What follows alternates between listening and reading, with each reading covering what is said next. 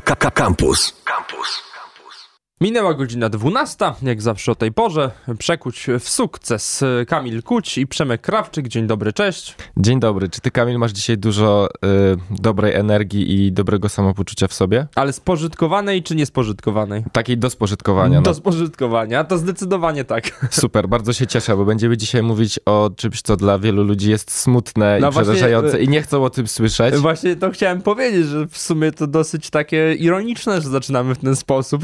Boję się, jaki będzie dropout, bo moi drodzy, chcemy dzisiaj porozmawiać z wami o inflacji i o stopach procentowych. No po prostu temat absolutnie na topie. Nie, niedawno usłyszeliśmy o podniesieniu stóp procentowych, mimo że było zapowiadane, że nie podniesiemy stóp procentowych, a jednak Tak, stwierdziliśmy, że no jednak, jednak, jednak podniesiemy. To właśnie dlatego zdecydowaliśmy się o tym porozmawiać dzisiaj, bo pomimo tego, że to jest temat, o którym słyszycie codziennie w radio, czytacie sobie o tym artykuły, to w zasadzie cała ta dyskusja się sprowadza dzisiaj do tego, że e, idą komunikaty w mediach, że inflacja jest wysoka i stopy procentowe są podwyższane i tyle.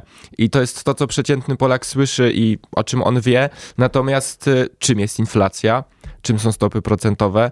Jaki to ma wpływ na gospodarkę, na nasze życie i ile w tym wszystkim jest odpowiedzialności rządu i e, Narodowego Banku Polskiego, a ile nie, to o tym przeciętny Kowalski nie wie nic, dlatego zebraliśmy dzisiaj e, no, jak najwięcej dostępnych informacji i chcielibyśmy wam w przystępny sposób wytłumaczyć, o co w tym wszystkim po prostu chodzi. No, generalnie w mediach zazwyczaj bardzo mało czasu jest na przekazywanie tak ciemiężnych komunikatów y, w stylu właśnie mm, co to jest inflacja wyjaśniona w, do- w szerszy sposób, znacznie szerszy niż również mieliście ją wyjaśnioną mm, choćby y, w szkole, czy stopy procentowe, które już prawdopodobnie w szkole nie były wytłumaczone. Mam też wrażenie, że nikomu nie zależy na tym, żeby to wy- wytłumaczyć i wręcz e, wielu grupom to jest na rękę, że statystyczny obywatel nie rozumie o co chodzi, że to jest dla niego zawiły temat. No politycy tego nie tłumaczą obywatelom, no bo wtedy e, ciężej jest im patrzeć na ręce. Też wiele osób, które się w tym specjalizują, mają Znaczy, takie łatwiej jest patrzeć im na ręce wtedy, kiedy, kiedy, kiedy by obywatele to wytłumaczyli. Tak. im więcej obywatel wie, więc w ich interesie jest często, żeby obywatel wiedział najmniej. No też osoby, które są specjalistami w tych tematach, obawiają się, że jeżeli wytłumaczą ludziom w prosty sposób, to oni się e, będą umieli w tym zorientować bez ich pomocy, prawda? Więc nie chcą sobie odejmować tego chleba od ust, ale naszym zadaniem jest nieść króż, e, kagadek, oświaty, przepraszam, Kruszka. i, i wytłumaczyć wam w ogóle, y, czym jest, y, no, czym jest inflacja, prawda? Od tego sobie należy zacząć, czym jest inflacja i uwaga, można to, e, można to wytłumaczyć używając dosłownie trzech słów. Bo inflacja to jest spadek wartości pieniądza. I mm, wielu z nas się wydaje, że inflacja jest wtedy, jak rzeczy są droższe. Czyli e, to można, można powiedzieć, że to, to, to e, skutkiem takiego stanu rzeczy może być inflacja, ale inflacja sama w sobie to jest po prostu spadek wartości miesiąc, e, pieniądza w czasie. Więc mówiąc takim bardzo jasnym przykładem i prostym, 100 zł, które masz ty, Kamil, dzisiaj w portfelu, jest warte mniej niż te 100 zł, które miałbyś w portfelu rok temu, czyli za te 100 zł możesz kupić mniej przedmiotów niż kupiłbyś w tym samym dniu analogicznie w roku poprzednim. Więc po prostu inflacja to jest spadek wartości pieniądza. Ale oczywiście tutaj na sam początek musimy też e, powiedzieć, że e, inflacja e, oczywiście na umiarkowanie normalnym poziomie nie jest takim jasno negatywnym zjawiskiem. Oczywiście inflacja jest zjawiskiem, umiarkowanie, umiarkowanie rosnącej inflacji jest zjawiskiem pozytywnym od czasu jakby według szkoły Keynesa, czyli Keyn- Keynesianiści twierdzą, że właśnie tak jest i to jest obowiązująca narracja w ekonomii światowej, że taka niewysoka y, inflacja na poziomie pomiędzy 2 a 3% jest zjawiskiem pozytywnym, bo ona stymuluje gospodarkę do wzrostu Y, i wtedy y, płace rosną, ludzie mogą kupić więcej, y, więc napędzamy, napędzamy po prostu tę gospodarkę. Dobra, ale teraz musimy to jasno wytłumaczyć, dlaczego to jest pozytywne i dlaczego ta gospodarka jest w ogóle na- napędzana przez, te, przez dwuprocentowy spadek wartości pieniądza. Niby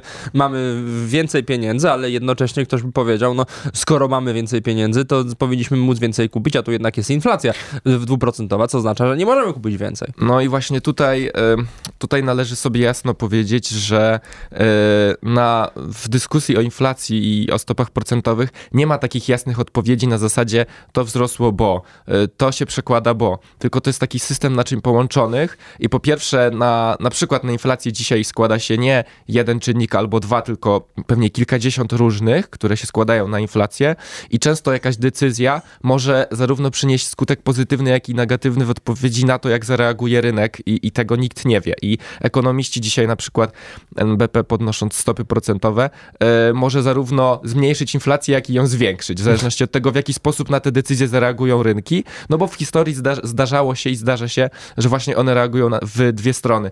Więc y, zanim sobie powiemy, dlaczego ta mała y, inflacja jest pozytywnym zjawiskiem, Rozmawiamy dzisiaj o niezbyt przyjemnym temacie, a jednocześnie temacie, który jest e, na topie w ostatnich e, kilku tygodniach, dlatego że mm, NBP zdecydowało się podnieść stopy procentowe, e, przez co nasze kredyty kosztują znacznie więcej.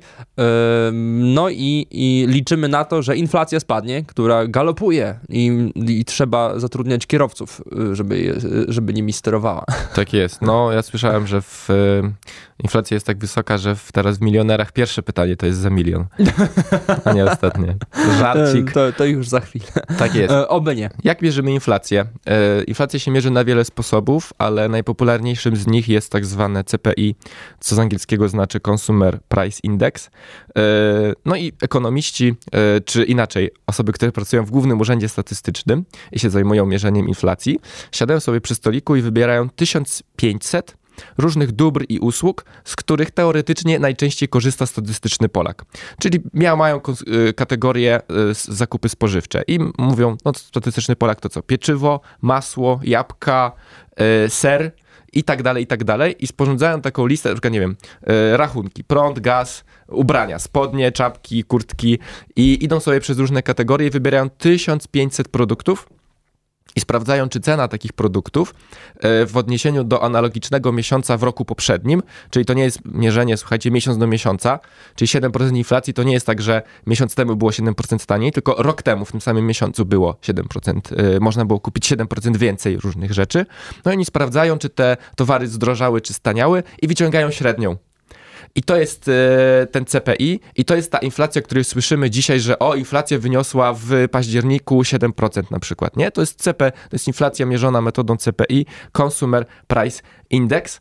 I teraz wielu z was prawdopodobnie zapaliła się żółta lampka, jak nas słuchacie, bo GUS wybiera te 1500 produktów, prawda? GUS jest instytucją yy, nie wiem, mam nadzieję, że nikt nie pociągnie do odpowiedzialności, ale zaryzykuję takie stwierdzenie, upolitycznioną, więc y, GUS może e, być manipulowany w doborze tych produktów. Jeżeli zależy nam na tym rządzącym, żeby pokazać, że inflacji nie ma, no to wybieramy jakie produkty, Kamil? No takie, które nie, nie, nie zdrożały. Nie zdrożały, prawda? A jeżeli zależy nam na tym, żeby inflacja była wysoka, a czasami rządzącym zależy na tym, żeby inflacja była wyższa i sobie też o tym powiemy, dlaczego, e, to wtedy wybierają te produkty, które właśnie drożeją najszybciej, prawda? No i e, dlatego mówi się, że inflacji dzisiaj mamy 7-8%, natomiast mówi się o tym, że to jest, e, e, że to jest taka pozorna inflacja, bo gdyby e, zredefiniować wartość tego koszyka i wybrać inne produkty, to yy, albo dodać więcej niż tylko te 1500, czyli na przykład rozszerzyć koszyk dwukrotnie, to okaże się, że dzisiaj ta inflacja, yy, o której ekonomiści mówią, że jest realną inflacją, jest już dwuprocentowa. Czasami się mówi nawet o 12-13%. Mhm. No bo zobaczcie, jedziecie na stację benzynową i widzicie, że ceny wzrosły z niej z 20-25%. Sobie myślicie, jakie 7?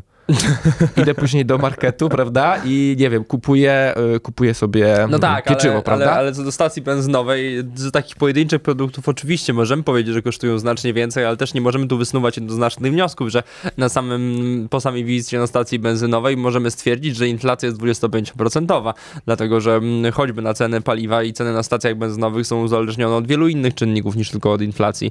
Oczywiście, oczywiście, natomiast no jeżeli na przykład GUS stwierdzi, że karty graficzne trzeba wrzucić do koszyka inflacyjnego, O, to na przykład, pięknie. prawda? Albo nie wiem, y, jakąś konkretną część samochodową, którą kupuje, nie wiem, 100 osób rocznie, prawda? To wtedy ona wchodzi w skład koszyka i ten koszyk po prostu może być y, zmanipulowany. Zbustowany albo o, obniżony. Tak jest, tak jest. No więc y, i w Polsce za sterowanie inflacją odpowiada Narodowy Bank Polski, który ma do tego takie ciało, które nazywa się Rada Polityki Pieniężnej. I na pewno słyszeliście o tym, że RPP coś tam zrobiła, prawda? No więc Rada Polityki Pieniężnej to jest instytucja, której konstytucyjną odpowiedzialnością, uwaga, zapisaną właśnie w Konstytucji, jest utrzymywanie inflacji na poziomie jak najbardziej zbliżonym do 2,5%. I to jest zapisane w Konstytucji, że zadaniem RPP jest utrzymywanie inflacji w okolicach 2,5%. E, I to jest ten cel inflacyjny, o którym się mówi, i to jest właśnie ta wartość, która, no mówiliśmy o tym już wcześniej, że e, stymuluje gospodarkę do rozwoju. Dobrze, RPP za, zawodzi i co z tego wynika?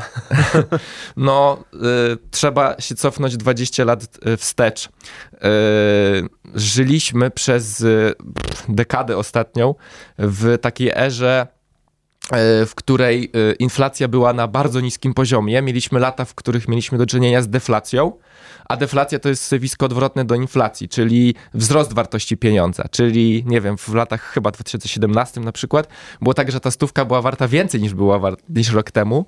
E, No więc e, w zasadzie Rada Polityki Pieniężnej tego celu nie realizuje wcale, dlatego że ona albo, albo, ta, albo ta inflacja jest za niska, wręcz jest deflacją, co spowalnia gospodarkę i nie jest dobre. E, chociaż w kieszeni mamy więcej pieniędzy, to jest paradoks. A teraz mamy do czynienia z tak zwaną, no właśnie, piszą wszyscy w mediach, że to jest galopująca inflacja. Nie jest. Słuchajcie, galopująca inflacja jest wtedy, kiedy inflacja wynosi 500, 600, 1000 procent. W Turcji jest dzisiaj galopująca inflacja, kiedy lira potrafi stracić o, e, połowę wartości. Turecka lira dzisiaj jest warta połowę mniej niż była warta rok temu. Czyli to jest powiedzmy 50%, no i tam można powiedzieć, że niech będzie galopująca inflacja, prawda? W Polsce 7% to nie jest galopująca inflacja, ale to jest wysoka inflacja. O wiele e, za wysoka, e, jeżeli e, chcemy mówić o zdrowej gospodarce.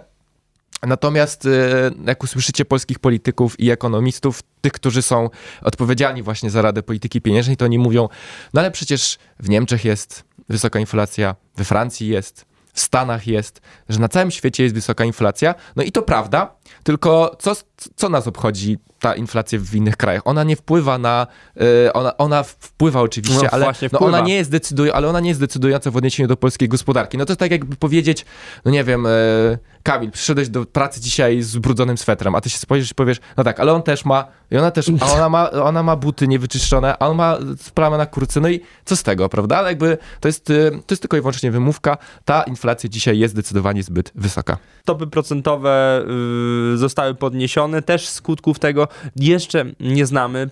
Y, Prawdopodobnie poznamy je za. Y, za ile poznamy skutki?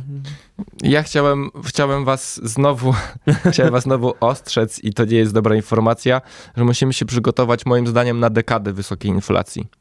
Y, najbliższe 10 lat y, to będą lata drożyzny dla, staty- dla statystycznego Polaka będzie drogo i wątpię, żeby udało nam się wcześniej z tego kryzysu gospodarczego wyjść.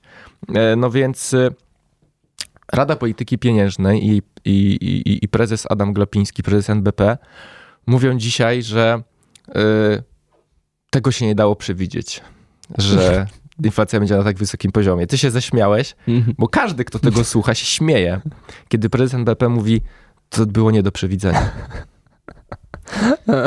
Nikt już, nikt już chyba mu nie wierzy i, i, i dobrze. Yy, moi drodzy, nie trzeba być ekonomistą, żeby rok temu, yy, podczas pierwszego lockdownu, kiedy gospodarka się zatrzymała, wysnuć taki wniosek, że może być yy, drożej, prawda? W przyszłym roku kryzys mm, pandemiczny może spowodować to, że po prostu ceny wzrosną. I ja zaryzykuję stwierdzenie, że to jednak było do przewidzenia. I przede wszystkim to, że mamy COVID i y, gospodarka na świecie spowolniła i rzeczywiście łańcuchy dostaw się poprzerywały, y, brakuje na przykład, nie wiem, jakichś tam chipów, prawda, że stoi produkcja samochodów, więc jest mniejsza podaż, e, więc są wyższe ceny na przykład, to, to po pierwsze było do przewidzenia, a po drugie y, kryzys y, pandemiczny, to moim zdaniem on odpowiada za jakieś 50% tej, tej, tej, niezdrowej podwyżki. Czyli no, tak jak mamy o 5% za wysokie stopy, to moim zdaniem połowa z tego można można obwiniać e, koronawirusa właśnie za ten stan rzeczy. Niestety za drugą połowę tej, tej, tej wysokiej inflacji winiłbym jednak osoby, które są odpowiedzialne za politykę gospodarczo-monetarną e, w tym kraju. E, przede wszystkim programy socjalne. E, które mm, od kiedy Prawo i Sprawiedliwość rządzi, e, jakby rozdawnictwo pieniędzy jest na bardzo, jest na bardzo wysokim poziomie. No dobrze, ale tutaj możemy też z drugiej strony y, y, zarzucić tezą, że y, było to potrzebne, że, że, że, że pomoce że socjalne, które na przykład były udostępniane dla firm przez bardzo mhm. długo, które oczywiście też y, powodują. Mówisz o tarczy. Y, mów, mówię o tarczy antykryzysowej. antykryzysowej. Tak, tak, tak. Mhm które i, i, i, i to wszystko. Mm, tak naprawdę tarcze kryzysowe były w każdym państwie, y, które, które faktycznie starało się naprawić sytuację covidową w swoim kraju, szczególnie dla przedsiębiorców. Tylko, Więc... tylko znowu w większości państw te tarcze antykryzysowe to były e, rzeczywiście duże, duże wpompowanie pieniędzy w gospodarkę, ale temu nie, do, nie, nie towarzyszyło mnóstwo innych e, takich programów rozdawniczych, nie? W Polsce zobaczcie, właśnie 500 plus, 13, 14, dodatkowe emerytury, e, plus właśnie e, tarcza antykryzysowa, to wszystko można się spierać, czy to pomaga zwykłym ludziom i czy to rzeczywiście te pieniądze e, sprawiają, że ci najubożsi na przykład mogą wyjść z tej biedy i żyć na wyższym poziomie, ale patrząc na skutki gospodarcze i na inflację, to sprawia, że wartość tego pieniądza maleje, ponieważ jest go, jest, jest go po prostu więcej w gospodarce. Więc przede wszystkim e, taka polityka socjalna rządu miała i ma wpływ na wysokość inflacji. E, kolejny argument. W Polsce od kilku lat wzrastają wynagrodzenia. E, płaca minimalna ulega podwyższeniu e, i po prostu Polacy zarabiają więcej. Yy, to są wzrosty właśnie 5, 6, 7% w skali roku. I znowu ktoś powie, super, to przecież dobrze, jeżeli ludzie więcej zarabiają. O to chodzi, żeby ludzie zarabiali więcej i żyli na wyższym poziomie, mogli kupić sobie więcej. Tylko... No ale prosta matematyka, jeśli mamy 5-6% większe zarobki, a inflacja wynosi 8%, to, to, to znaczy, że mamy mniej pieniędzy jednak. Dokładnie, to po pierwsze, a po drugie, wszyscy ekonomiści, tacy powiedzmy, którzy zgadzają się ze sobą co do tego, w jaki sposób powinny funkcjonować w kapitalizmie gospodarki, mówią o tym, że za wzrostem płac musi iść wzrost wydajności pracowników. I on powinien być proporcjonalny do siebie. Czyli teraz, teraz to wytłumaczę, żeby y, nikt się nie obruszył. Jeżeli zarabiamy 7% więcej niż w zeszłym roku, to my jako pracownik powinniśmy danego dobra wytwarzać 7% więcej niż w roku poprzednim.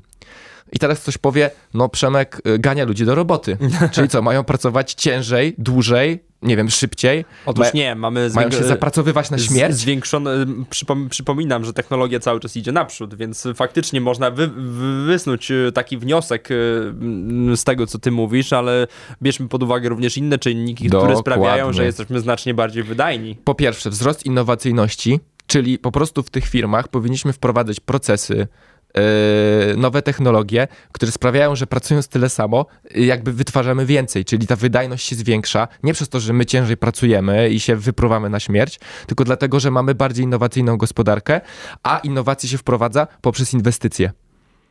I uwaga, y, inwestycje w ostatnich 5-6 latach w polskiej gospodarce są na rekordowo niskim poziomie. Yy, niestety nie inwest- rząd nie inwestuje w yy, rozwój gospodarki, jednocześnie podnosząc płace. Mhm. I ten to jest, to jest, słuchajcie, tak naprawdę główna przyczyna i to, o co można rząd obwiniać, mówiąc, że o, jest wysoka inflacja, to właśnie tu bym wymienił najważniejszy czynnik, czyli wzrost wynagrodzeń, który nie jest współmierny do zwiększania wydajności gospodarki. Bo jeżeli zarabiamy więcej, ale produkujemy tyle samo, mniej więcej, to mamy więcej pieniędzy do wydania, tego pieniądza na rynku jest więcej, więc jego wartość się zmniejsza, czyli możemy za, y, kupić mniej y, za te same pieniądze. I to jest właśnie zjawisko inflacji. Trochę skomplikowane, ale mam nadzieję, że udało się gdzieś tam to rozgryźć i, i że wiecie już o co chodzi. Wydaje mi się, że nie jest to skomplikowane e, po tym, po, po tym co usłyszeliście właśnie e, w kampusie głównym i jednocześnie w Przekuć w sukces. E, widzimy od samego, sam, od samego początku tej audycji mówiliśmy, że to są naczynia połączone.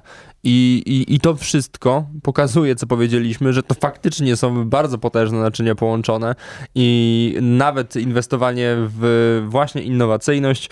m, p- Dlatego tak dużo się o tym mówi w mediach również. y, O innowacyjności, o, z, y, o, o, o zwiększaniu, y,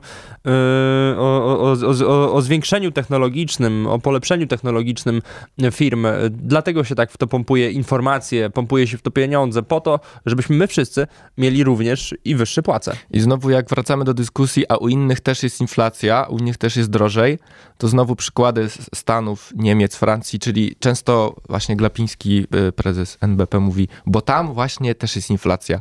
Tylko tam jest inflacja, ale to wszystko, o czym rozmawialiśmy, te naczynia połączone, tam ta woda się lepiej przelewa.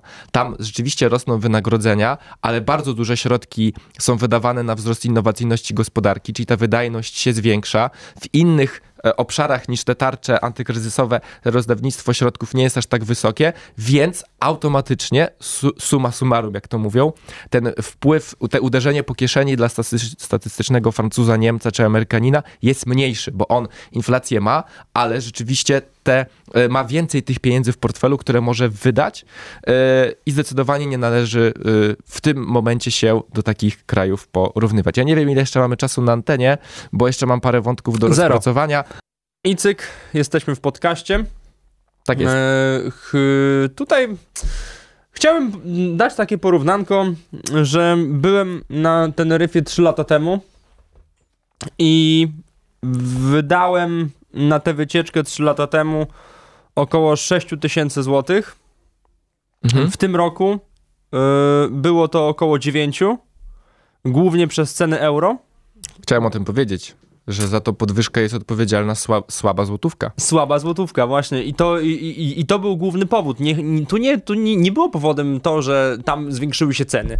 Bo mimo e, pandemii koronawirusa m, m, mamy sytuację, w której tam wszystko się utrzymało na w miarę bardzo podobnym poziomie. Oczywiście e, różne kryzysy w stylu na przykład e, na, na przykład e, problemy ze spłacaniem kredytów w czasie koronawirusa mm, Tak. spowodowały, że wiele wypożyczalni samochodów musiało e, sprzedać swoje leasingowe, znaczy przepraszam, sprzedać. Pozbyć się floty, no. Pozbyć się floty, więc bank po prostu je zabrał.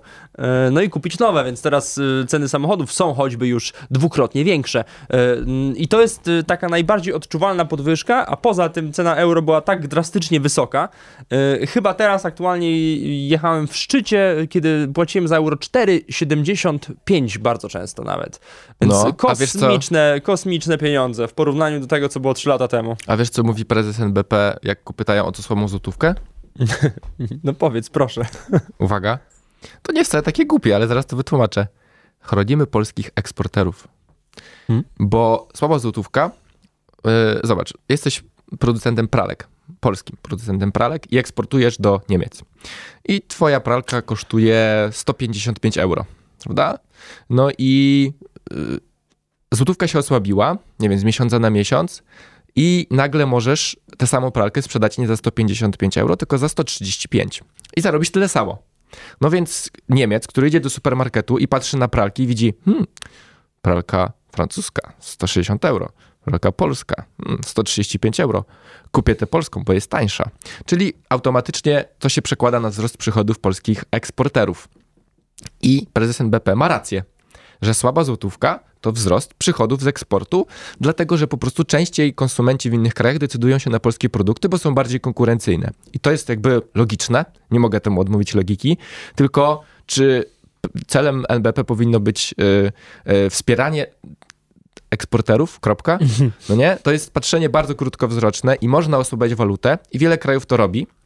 Yy, kraje, które mają takie waluty nieświatowe, prawda, to robią bardzo często, a- ale robią to na takim bardzo umiarkowanym poziomie. Czyli tak delikatnie osłabiają tę złotówkę, natomiast NBP tak, tak bardzo się skupiło na osłabianiu złotego, że to się wymknęło spod kontroli. I teraz nie za bardzo wiedzą, w jaki sposób przywrócić e, tą siłę złotówki. I to jest pewnie e, teraz e, e, temat wielu dyskusji w Narodowym Banku Polskim, ale rzeczywiście, tak jak powiedziałeś, no twoja wycieczka jest droższa właśnie przez to, że złotówka jest bardzo, bardzo słaba. Ale wracając do inflacji, uwaga, teraz znowu coś, o czym pewnie nie wiecie, że inflacja jest korzystna dla rządu. Dlatego, że wyższa inflacja to wyższa inflacja sprawia, że do ceny danego towaru, dobra albo usługi, doliczymy wyższy VAT. No bo VAT to jest No tak. 23% od wartości danego towaru. Więc więcej pieniędzy trafi do budżetu państwa. Dokładnie. Więcej przychodów państwo ma właśnie z tytułu podatków, głównie VAT-u, więc ma więcej środków na y, na przykład na programy socjalne, które może zaproponować swoim obywatelom.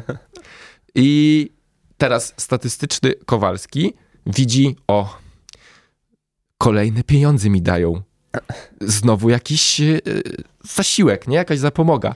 Tylko ten sam Kowalski, idąc do sklepu, od razu te pieniądze y, jakby się zerują przez to, że wydaje więcej w sklepie, prawda? Czyli to jest, y, czyli w zasadzie korzyść dla obywatela jest zerowa, jeżeli nie jest jakaś minimalnie na plus.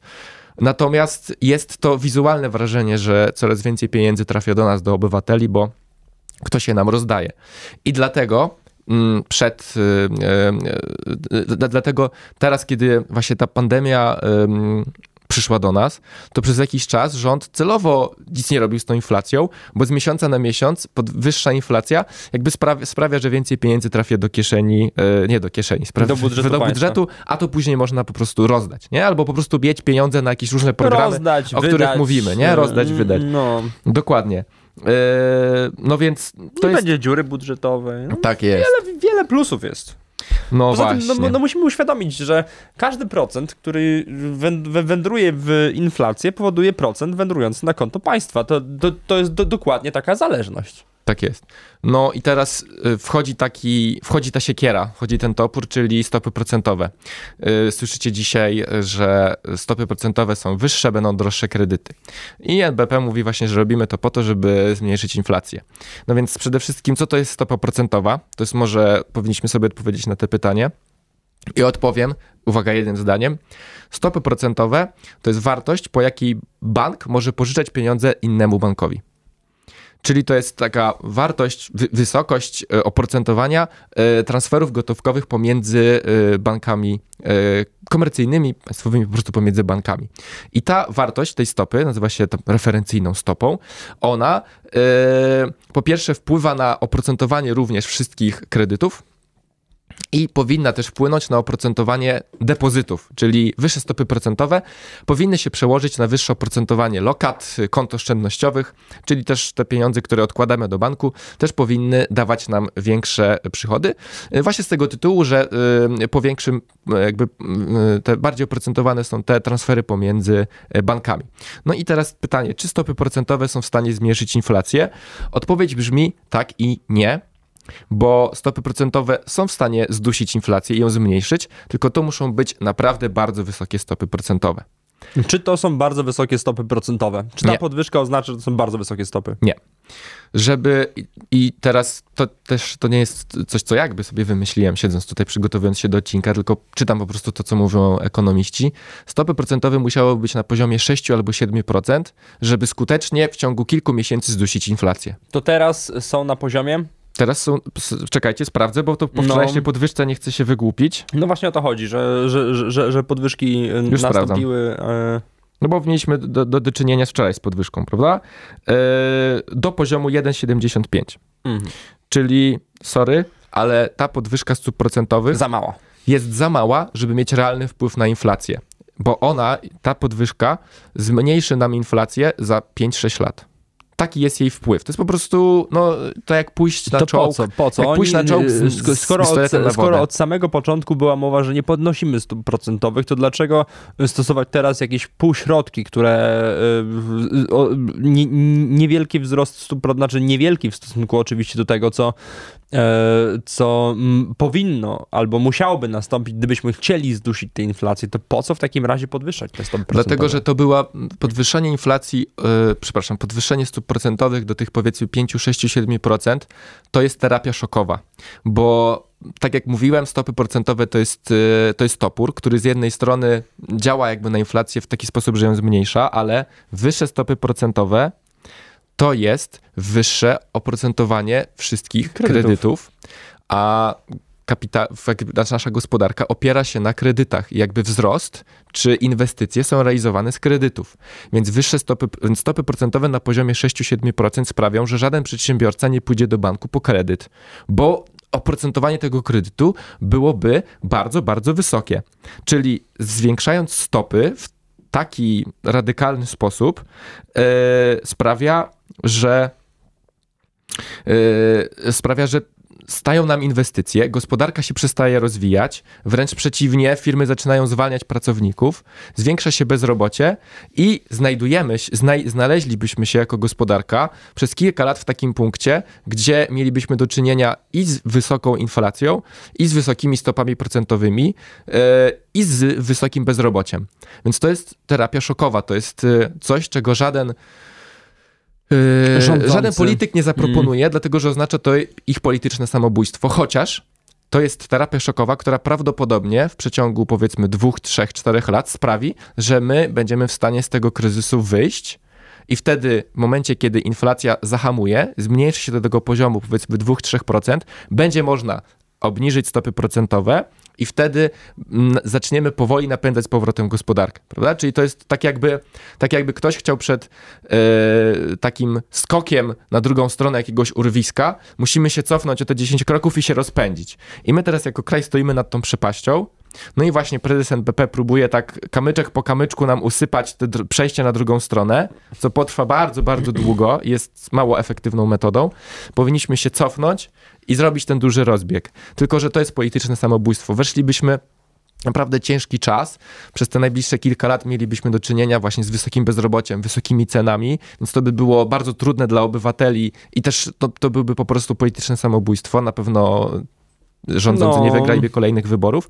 Natomiast to byłaby, e, no historia pokazuje, że taki, taka metoda jest skuteczna i wiele krajów w przeszłości e, wychodzili premierzy czy prezydenci do obywateli i mówili słuchajcie, szykujcie się na ciężkie czasy, musimy sobie z tym poradzić, ale oznacza to, że będziemy wszyscy cierpieć. E, Tylko to wymaga odpowiedzialności, to wymaga odwagi, e, której mam wrażenie, że naszym e, rządzącym e, brakuje. Nie no, wiesz, no, wybory, słuchaj, no, są rzeczy ważne i ważniejsze. Mamy na przykład rzeczy najważniejsze, no. No. Żeby pójść do urny, zagłosować na, na, na, na złotą partię rządzącą, która nam najbardziej odpowiada i, to koniec, no. Tak, no. Więcej, jak już wygramy wybory, to możemy się bawić, ale, Mega ale przed zwycięstwem wyborów to nie ma szans. Mega, pomyślicie sobie, że mega krytykancki nam wyszedł ten odcinek, ale ja mam wrażenie, że jest po prostu krytyczny, no bo staramy się ocenić decyzje, a te decyzje niestety nie są, nie są trafne. No i teraz e, ktoś się może zapytać, to co zrobić, e, żeby spróbować jak najszybciej sobie z tą sytuacją poradzić i tutaj ekonomiści proponują na przykład e, kontrolę cen, które narzucają monopoliści. Bo też bardzo często mamy do czynienia z taką sytuacją, kiedy firmy, które właśnie mają monopol albo pozorny monopol, podwyższają ceny, no bo nie mają konkurencji, więc mogą robić co chcą. I państwo tego skutecznie dzisiaj nie kontroluje. Gdyby naprawdę wziąć się, no i teraz znowu powiecie, że o, kontrola cen, socjalizm wraca, e, natomiast no, e, nikt nie chce się znaleźć w takiej sytuacji, kiedy jakieś ważne dobro dostarcza nam jedna firma i ona może podwyższyć cenę o 1000%, bo nikt No jej tak, nic nie zrobi, no. prawda? No więc y, w Stanach Zjednoczonych mamy taką sytuację, że producenci leków czasami y, mają patent na 20 lat na lek na jakąś bardzo rzadką chorobę. Nikt inny go nie ma, bo nie może mieć, bo oni mają na to patent, a cena nie, nie jest kontrolowana. I może ci producent przyjść i powiedzieć, że ta szczepionka od jutro kosztuje nie 1000, tylko 10 tysięcy dolarów. No i co ty z tym zrobisz? No nic. I to prowadzi do ludzkich tragedii. To właśnie też jest odpowiedzialne w dużej mierze za wzrost tych cen, więc można te ceny lepiej kontrolować. Po drugie, można kluczowe sektory gospodarki yy, zacząć bardziej wspierać i dotować, bo teraz chciałbym wam podać pewien przykład, znaczy nawet nie po prostu yy, yy, pokazać wam, pokazać wam rzeczywiście pewien przykład związany z żywnością, związany ze, z, z cenami żywności, bo musicie sobie uświadomić, że polscy rolnicy wiele działań podejmują na kredyt i jak wiosną yy, siewają e, albo zajmują się hodowlą jakiejś trzody, to nawozy, antybiotyki, sprzęt biorą na kredyt. To co się dzieje, kiedy wzrastają nam stopy procentowe? Rosną ceny żywności. Ro najpierw rosną raty tego kredytu dla, dla no, rolnika. No tak, ale już idę, i- idę znacznie głębiej. Ten rolnik idzie do banku i dostaje informację, że nie płacisz w tym miesiącu 5 tysięcy złotych raty kredytu, tylko 7. No to co robi ten rolnik? Te 2000 Musi musi, sobie znaleźć. odbić. To co robi? Zwiększa cenę. I teraz, tak jak mówiłem, że to jest zawsze miecz obosieczny i w przypadku cen żywności bardzo często wyższe stopy procentowe jeszcze zwiększają inflację. Napędzają inflację, zamiast ją zmniejszyć. No i teraz gdybyśmy się zastanowili i na przykład pomyśleli, jako rządzący, że skoro podwyższyliśmy stopy procentowe, to zrekompensujemy rolnikom te podwyżki. Czyli oni mogą przyjść do nas i powiedzieć, że przez podwyższone stopy rata kredytu wzrosła mi o tyle i tyle i w jaki sposób możemy wtedy jako rządzący subsydiować te środki, dawać je rolnikom, udzielać im jakichś właśnie takich dotacji, to wtedy No oni nie będą teraz- musieli podnieść ceny. Wiesz, prawda? teraz mamy piękny pakiet antyinflacyjny, który niedługo wejdzie. Mhm. Y, ściema. No, no. Sorry, totalna ściema. Zmniejszenie, y, na przykład zmniejszenie VAT-u na paliwo do zera. Mhm. Y, Przepisy unijne na to nie pozwalają. Tak, Jest no, minimalna wartość VAT-u na paliwo, która wynosi już nie wiem ile procent, ale nie da się obniżyć ich do zera. Teraz niedługo e, e, z, z zerowym VAT-em na paliwo wydaje mi się, że to jest raczej perspekty- w dłuższej perspektywie plan, ale teraz wiem, że w Unii Europejskiej jest projekt, który zmniejszy, zmniejszy VAT na żywność do zera. Mhm. I ta, tu też e, przepisy unijne e, określają, na jakim poziomie może się znajdować e, VAT żywności. No i ten projekt oczywiście pana premiera już jest, już jest w Unii Europejskiej. No i pytanie jest, czy przejdzie przez Unię. Nie przejdzie. Słyszałem, że jest bardzo duża szansa, że przejdzie właśnie, dlatego że poparcie jest w Unii, żeby, że- że, żeby y, pozwolić na taki ruch właśnie. Ale nie wiem, nie jestem, nie jestem przekonany, co się wydarzy. Instytucje na pewno dni. wypowiedzą się, że teoretycznie tak nie można robić, bo nie jest to zgodne z przepisami, tylko to, co mogą one zrobić, to nie egzekwować tych przepisów później. Czy mogą po prostu nam dać takie zielone światełko i idźcie sobie, róbcie, nie? To. Natomiast, no, ja, to jest temat, y, ta, tarcza antyinflacyjna to jest temat na oddzielny odcinek. Nie będziemy w niego wchodzić, bo nie mamy na to czasu.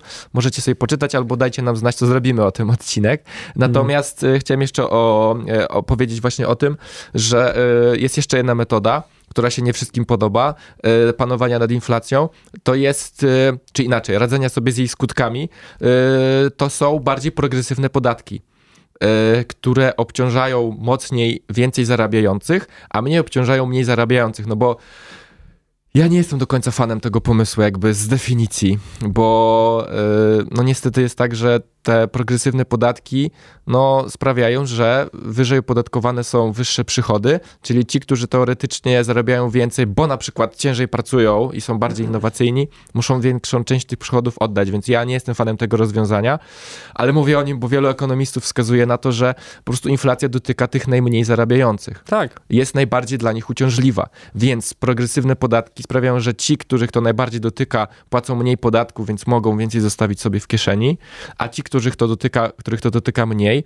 wtedy zapłacą te podatki większe. Więc w wielu krajach dzisiaj te progresywne podatki się wprowadza i uwaga, w e, Nowym Ładzie, e, pierwszej wersji, o której rozmawialiśmy gdzieś w połowie roku, mam wrażenie, to ten temat był i było zapisane, że, ten, e, że ta progresywność wzrasta. Tam było mnóstwo takich mechanizmów, które by właśnie to wspierały, ale jak to mówią ładnie ekonomiści, kolejne wersje zostały wykastrowane z tych zapisów. Tak się mówi, no, że się kastruje przepisy. No tak. E, No i dzisiaj tam tej progresywności już w zasadzie nie ma.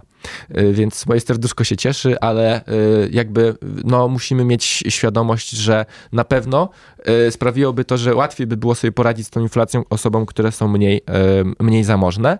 I ostatnia rzecz, o której chciałbym dzisiaj jeszcze opowiedzieć przed zakończeniem tego odcinka, to jest zjawisko stagflacji, bo pewnie niewielu z was o niej słyszało. Ale jest coś takiego jak stagflacja, zjawisko, które się pojawiło w latach 70. w Stanach. To jest połączenie stagnacji i inflacji. Bo w zdrowej gospodarce inflacja rośnie, ale rośnie też y, wzrost gospodarczy, czyli to idzie ze sobą w parze.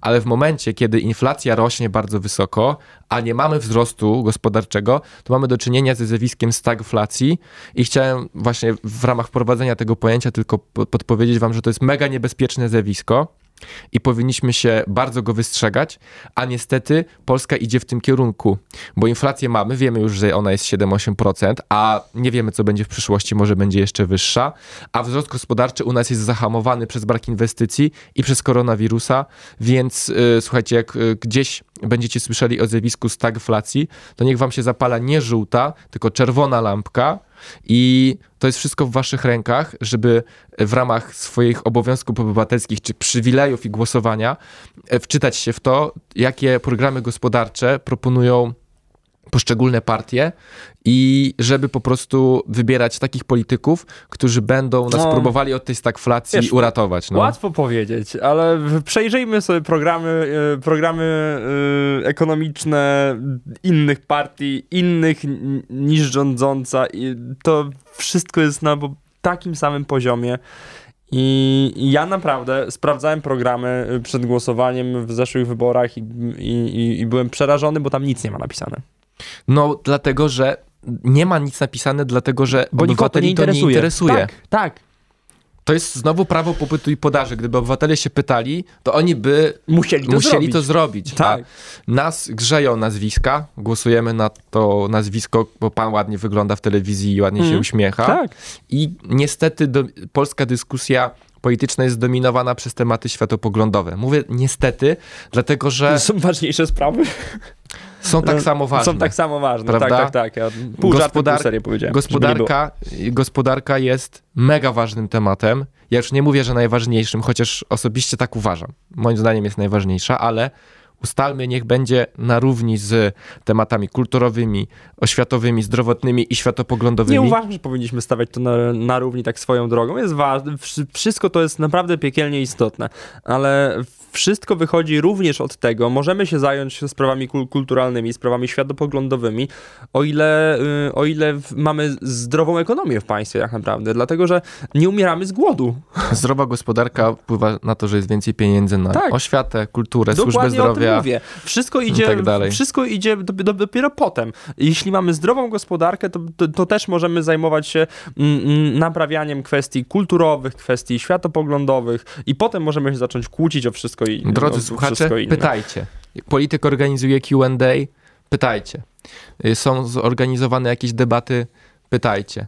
Y, I do nich to dotrze w końcu, że obywatele zaczęli interesować się y, planami, pomysłami na rozwój gospodarki i zaczną o tym więcej mówić i być może zaczną wprowadzać właśnie do, do, swoich, e, e, do swoich programów takie elementy.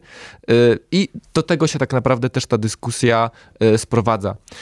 Nie, więc mamy takie wrażenie z Kamilem, że takie terminy jak właśnie inflacja, stagflacja, stopy procentowe nie są już dla was czarną magią i właśnie często czytając, nie są, ale... słuchając o różnych doniesieniach, pamiętajcie o tym, że to wszystko są skomplikowane tematy i artykuły, gdzie wam wytłumaczą jest jeden złoty środek środek na to jest clickbait i, e, i absolutnie trzeba, e, trzeba być gdzieś tam świadomym słuchaczem też. Świadomy obywatel to zły obywatel, pamiętajcie o tym. Więc e, ludzie bardzo lubią teorie spiskowe, lubią, lubią poznawać ukrytą wiedzę dla nielicznych.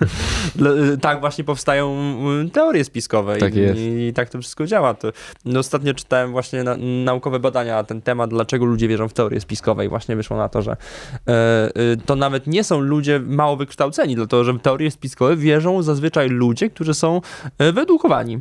A to dlatego, że poddają pewne rzeczy w wątpliwość. A w związku z tym, że ym, nie wiedzą, y, nie mają pełnej wiedzy na dany temat, bardzo kusząca jest y, wiedza ukryta, której, której nikt nie zna. Tak, albo osoby, tak, mówi się, że często osoby z wyższym wykształceniem. Jak ktoś tak. ma wyższe wykształcenie w temacie, nie wiem czego, architektury strzelam, no to ten ktoś jest naprawdę ten, tęgą głową w zakresie architektury, a nie na przykład w zakresie medycyny.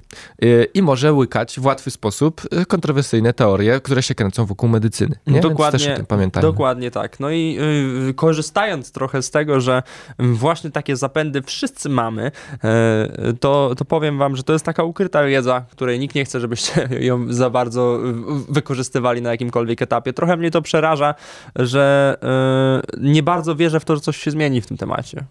Mm, ja wierzę, bo ja, ja jestem jakby opty- Kurczę, no ja, też jestem optymistą, z- ale, ale, ale tyle lat, ile, ile to wszystko trwa, ile y, mamy już, ojejku, już mi się nawet nie chce o tym myśleć, naprawdę. przeraża mnie to, przeraża mnie to trochę. Mam nadzieję, że się mylę, że to się, że, że kiedyś to się zmieni, kiedyś to się poprawi u nas w kraju, że świadomość obywatelska będzie znacznie większa na temat tego, co się dzieje i, i też chęć poznawania tej wiedzy, chęć rozszerzania jej na każdym etapie praktycznie, jakim, jakim się znajdujemy, ona też będzie bardzo duża. I jeśli ona będzie, y, jeśli chęć zdobywania wiedzy będzie duża, to też i to wszystko inne się poprawi, więc może y, do tego powinniśmy zachęcać, do zdobywania wiedzy nawet na, na przeróżne, Oczywiście. na, na, Najlepszą na inwestycją, najlepszą inwestycją jest inwestowanie w siebie, tak mówią wszyscy i to mają rację. I ja chciałbym was odesłać do odcinka, w którym mówiliśmy o prowadzeniu budżetu firmowego, nawet jak nie macie firmy. Dlatego, że Polak, obywatel, może się bronić przed inflacją na dwa sposoby. Zwiększać swoje przychody i zmniejszać koszty życia. I to jest to samo, co może zrobić przedsiębiorstwo. Więc wy powinniście, jeżeli nie robicie tego, budżet domowy, yy, rozsądne gospodarowanie właśnie swoimi pieniędzmi i, i słuchajcie, jak najmniej wydawać, jak najwięcej zarabiać. To jest być może takie rozwiązanie w stylu coach Mike, e, natomiast każdy może z nas zrobić sobie przegląd wydatków i znaleźć parę rzeczy, na które wydaje miesięcznie 100-2 stówki, chociaż tak naprawdę tego nie potrzebuje i mógłby, e, mógłby na to pieniędzy nie wydawać, bo jest jakaś subskrypcja od pół roku, której już dawno z tego nie korzystam, ale podpiłem kartę i to zlatuje. Tak, budżet, budżet filmowy to jest fajny odcinek, na ten moment na pewno się przyda Ym, i, i zdecydowanie jest tam mnóstwo takich y, ciekawych porad w stylu e, wybierzcie, wybierzcie y, pociąg zamiast samolotu, Y, zrezygnujcie z porannej kawy w Starbucksie, zróbcie ją sobie w domu. Tego nie ma w naszym... tego w tym odcinku nie ma. Ja szukam ma jeszcze, który to jest numer. Oczy- oczywiście nie ma tego w tym odcinku, żartowałem. Tak jest. Y, No, 23. Jak zmniejszyć koszty w firmie? To jest numer, to jest jeden odcinek, o którym możecie, e, o któ- którym, którego możecie sobie posłuchać, a drugi odcinek to jest numer 11 zarządzanie firmowym budżetem, ale tam mnóstwo tipów do e, budżetu osobistego można sobie wprowadzić, więc to chyba tyle od nas na dzisiaj. Sobie trochę pogadaliśmy, ale tematy były skomplikowane. Słyszymy się za dwa tygodnie. See ya. Słuchaj Radio Campus, gdziekolwiek jesteś. Wejdź na www.radiocampus.fm.